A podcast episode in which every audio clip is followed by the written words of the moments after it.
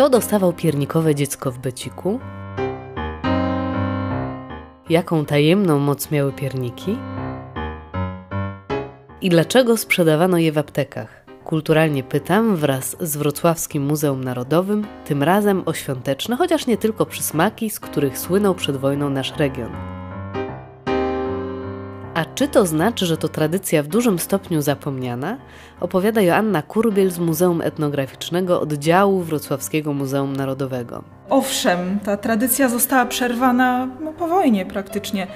Przedwojenni mistrzowie piernikarstwa wyjechali stąd, no, a nowo przybyła ludność nie bardzo kontynuowała tą działalność. Tradycja zaginęła praktycznie.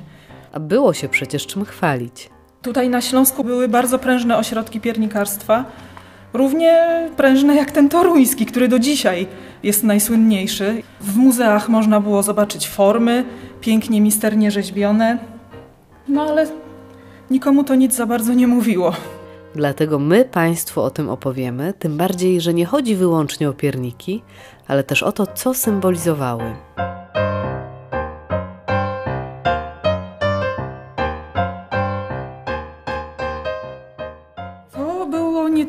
Zwykłe ciastko, był to oczywiście wielki przysmak, ale też były nośnikiem bardzo wielu treści kulturowych. Podstawowa jego funkcja to był podarunek. Piernikami się obdarowywano, komunikując tym konkretne treści. Kto dostał, to mógł czuć, że Że jest kochany, szanowany, lubiany. to były prezenty okolicznościowe, czy w każdym momencie można było dostać piernik? Były pewne okazje, no przede wszystkim jarmarki bożonarodzeniowe. To były takie miejsca, gdzie no, dobra wszelakie można było nabyć na okoliczność Bożego Narodzenia. E, No, głównie były to motywy, właśnie tutaj w gablocie mamy dziecko w powijakach, w misternie rzeźbionym beciku z kokardką. Był to piernik, który darowywano y, na Nowy Rok, ponieważ dziecko było symbolem nowego życia, tak ludzkiego, jak i przyrodniczego. Y, Również młodej parze na weselu z życzeniami rychłego, licznego i zdrowego potomstwa. Tak, to jest motyw kominiarza, dość popularny w XVII-XVIII wieku, ponieważ no, miasta były wtedy trawione też pożarami, a kominiarz no wiadomo czym się zajmował, udrażniał kominy. I też był postrzegany jako taki świecki odpowiednik świętego Floriana, który jest, jak wiadomo, patronem chroniącym przed pożarem. I był to też y, symbol szczęścia, kominiarz. No tak jak dzisiaj też widzimy na ulicy kominiarza, i tam niektórzy się łapią za guzik, czy jakieś inne rytuały odprawiają. Także to był taki też archetyp szczęścia. Czyli piernikowego kominiarza trzymano w domu na wypadek. Na wypadek pożaru. A serce, Serce. No takie tak, romantyczne. Symbolika miłosna była też dość rozbudowana w ogóle w piernikarstwie, ponieważ no, serce to była taka no, najpopularniejszy i najbardziej oczywisty motyw. Serce, tutaj w tym sercu akurat jeszcze mamy parę, często właśnie obejmujące się pary albo gołąbki stykające się dzióbkami też y, były właśnie częstym motywem. Łoża z baldachimem, kołyski, no to już wiadomo z podtekstem ale też kosze. Kosz był takim właśnie motywem, który był swoistym dialogiem pomiędzy młodymi ludźmi, ponieważ jeżeli kawaler starający się o pannę dostał pusty kosz, no to oznaczało odmowę. A jeśli był piernik w kształcie kosza z kwiatami na przykład albo z owocami, no to wiadomo, aprobata, kawaler zostaje przyjęty. Chciałabym, żebyśmy się tak trochę pochyliły nad tą formą. To nie są takie formy, jak nam się dzisiaj wydaje. To taki kawałek drewna i on jest misternie wyrzeźbiony. Tak, to jest y, bardzo misterna, koronkowa wręcz robota. Każdy czeladnik, y, który ubiegał się o, o papiery mistrzowskie, musiał taką formę zrobić, bo właśnie formy były sporządzane przez piernikarzy, ale też przez snycerzy, także wytwórców klocków kołtryniarskich.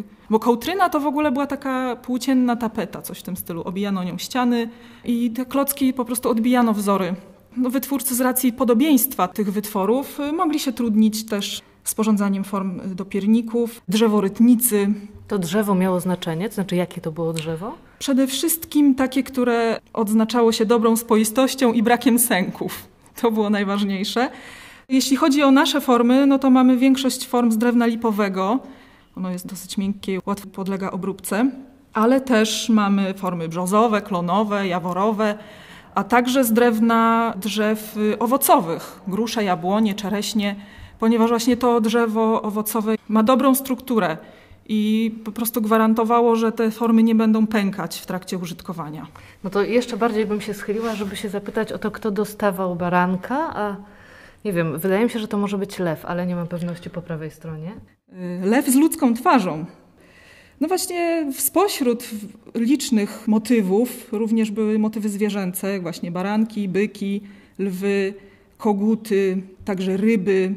Być może doszukiwano się tutaj siły tych zwierząt, że jak ktoś dostanie dzika, to będzie też taki właśnie silny. I ryba na przykład, wiadomo, że to jest symbol, już się nasuwa od razu chrześcijaństwa i Chrystusa, ale też właśnie symbol płodności, obfitości, więc to, to zawsze z dobrą intencją było dawane. Czasem były to też kwiaty. Tu można właśnie zaobserwować podobieństwo do tych form na masło. Tu na przykład mamy taki okrągły wianuszek. Takie wianuszki były też na Nowy Rok y, dawane. Albo na przykład koło z krzyżem w środku, rozety, gwiazdy, to były symbole właśnie takiej nieskończoności, cykliczności i to właśnie na przełomie roku obdarowywano się takimi piernikami.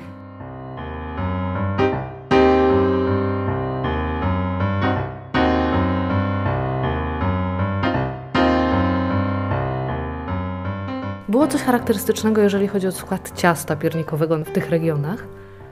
Przede wszystkim miód i korzenie. To stanowi istotę piernika. Cynamon, goździki, anyż. Samo słowo piernik pochodzi od określenia pierny, czyli pieprzny. Mieszanka tych korzeni też jest dosyć ostra. Ciasto należało najpierw rozwałkować dość cienko, a później przykładało się na formę. No i z pewną dozą siły trzeba było rozwałkować ciasto na formie, żeby odcisnął się wzór.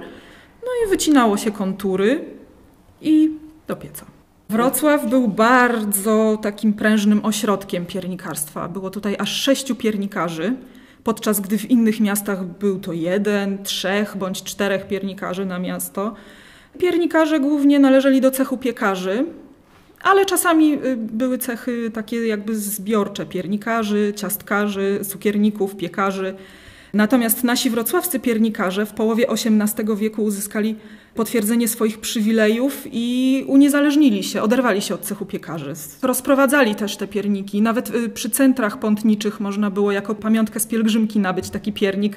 Właśnie mamy tutaj przykład y, świętego Urbana. To jest przykład takich motywów sakralnych no były to też wizerunki Matki Boskiej, pokłon Trzech Króli na przykład właśnie na Boże Narodzenie można było pewnie kupić.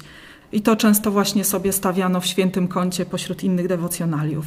No właśnie, bo zastanawiam się, czy te pierniki to były um, przysmaki do jedzenia, czy to były po prostu pamiątki, które stały. Podejrzewam, że dzieci na przykład bardzo lubiły jeść pierniki i na przykład taki tutaj alfabet piernikowy, który był często dawany dzieciom, które miały wkrótce y, rozpocząć naukę więc taki alfabecik myślę, że znikał w okamgnieniu. W Niemczech ta tradycja nie, nie zaginęła, ponieważ nawet ci piernikarze, którzy tutaj na Śląsku mieszkali, po zmianie granic wyjechali na zachód i tam kontynuowali swoje tradycje. Poza tym właśnie już w XIX wieku pierniki były przejmowane y, przez y, fabryki. To były wyroby fabryczne już później. Te formy nie były już tak misternie rzeźbione jak te. Motywy też się troszeczkę pozmieniały, były prostsze, lukrowane. Właśnie tą ozdobę stanowił często lukier, a nie te rzeźbienia, które znamy z tych drewnianych form. Ten lukier, on był kolorowy? To znaczy były pierniki kolorowe? Tak, one były barwione. Pierniki to były drogie prezenty? Początkowo na pewno były bardzo drogie. Y, właściwie mogli sobie na nie pozwolić tylko przedstawiciele wyższych warstw społecznych ponieważ no właśnie składniki, miód, przyprawy korzenne, które trzeba było z daleka sprowadzać, to wszystko podrażało koszty. E, natomiast w XIX wieku już e, jak się upowszechniła produkcja cukru buraczanego, miód był zastępowany też tym cukrem, więc te pierniki staniały i, i nawet odbiorca wiejski mógł sobie na nie pozwolić. Jadła kiedyś Pani taki piernik przygotowany na podstawie receptury jeszcze przedwojennej? Zdarzyło mi się tak. Przede wszystkim nie jest taki pulchny jak te na przykład katarzynki. Czemu pierniki sprzedawano w aptekach? No właśnie, oprócz jarmarków, jakichś odpustów, apteka też była jednym z miejsc, w którym można było nabyć Chodziło bardziej o to, że to było takie remedium w ogóle na jakieś wszelkie niedomagania, tak jak dzisiaj byśmy powiedzieli, jakiś taki suplement diety.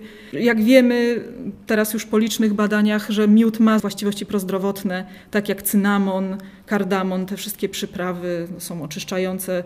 Też miód to jest taki swoisty e, antybiotyk naturalny, także też żeby podkreślić, że to nie jest zwykłe ciastko, tylko właśnie ma swoją magiczną moc.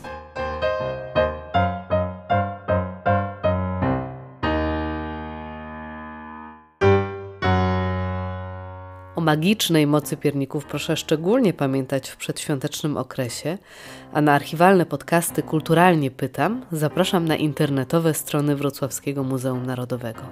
Joanna Mielewczyk.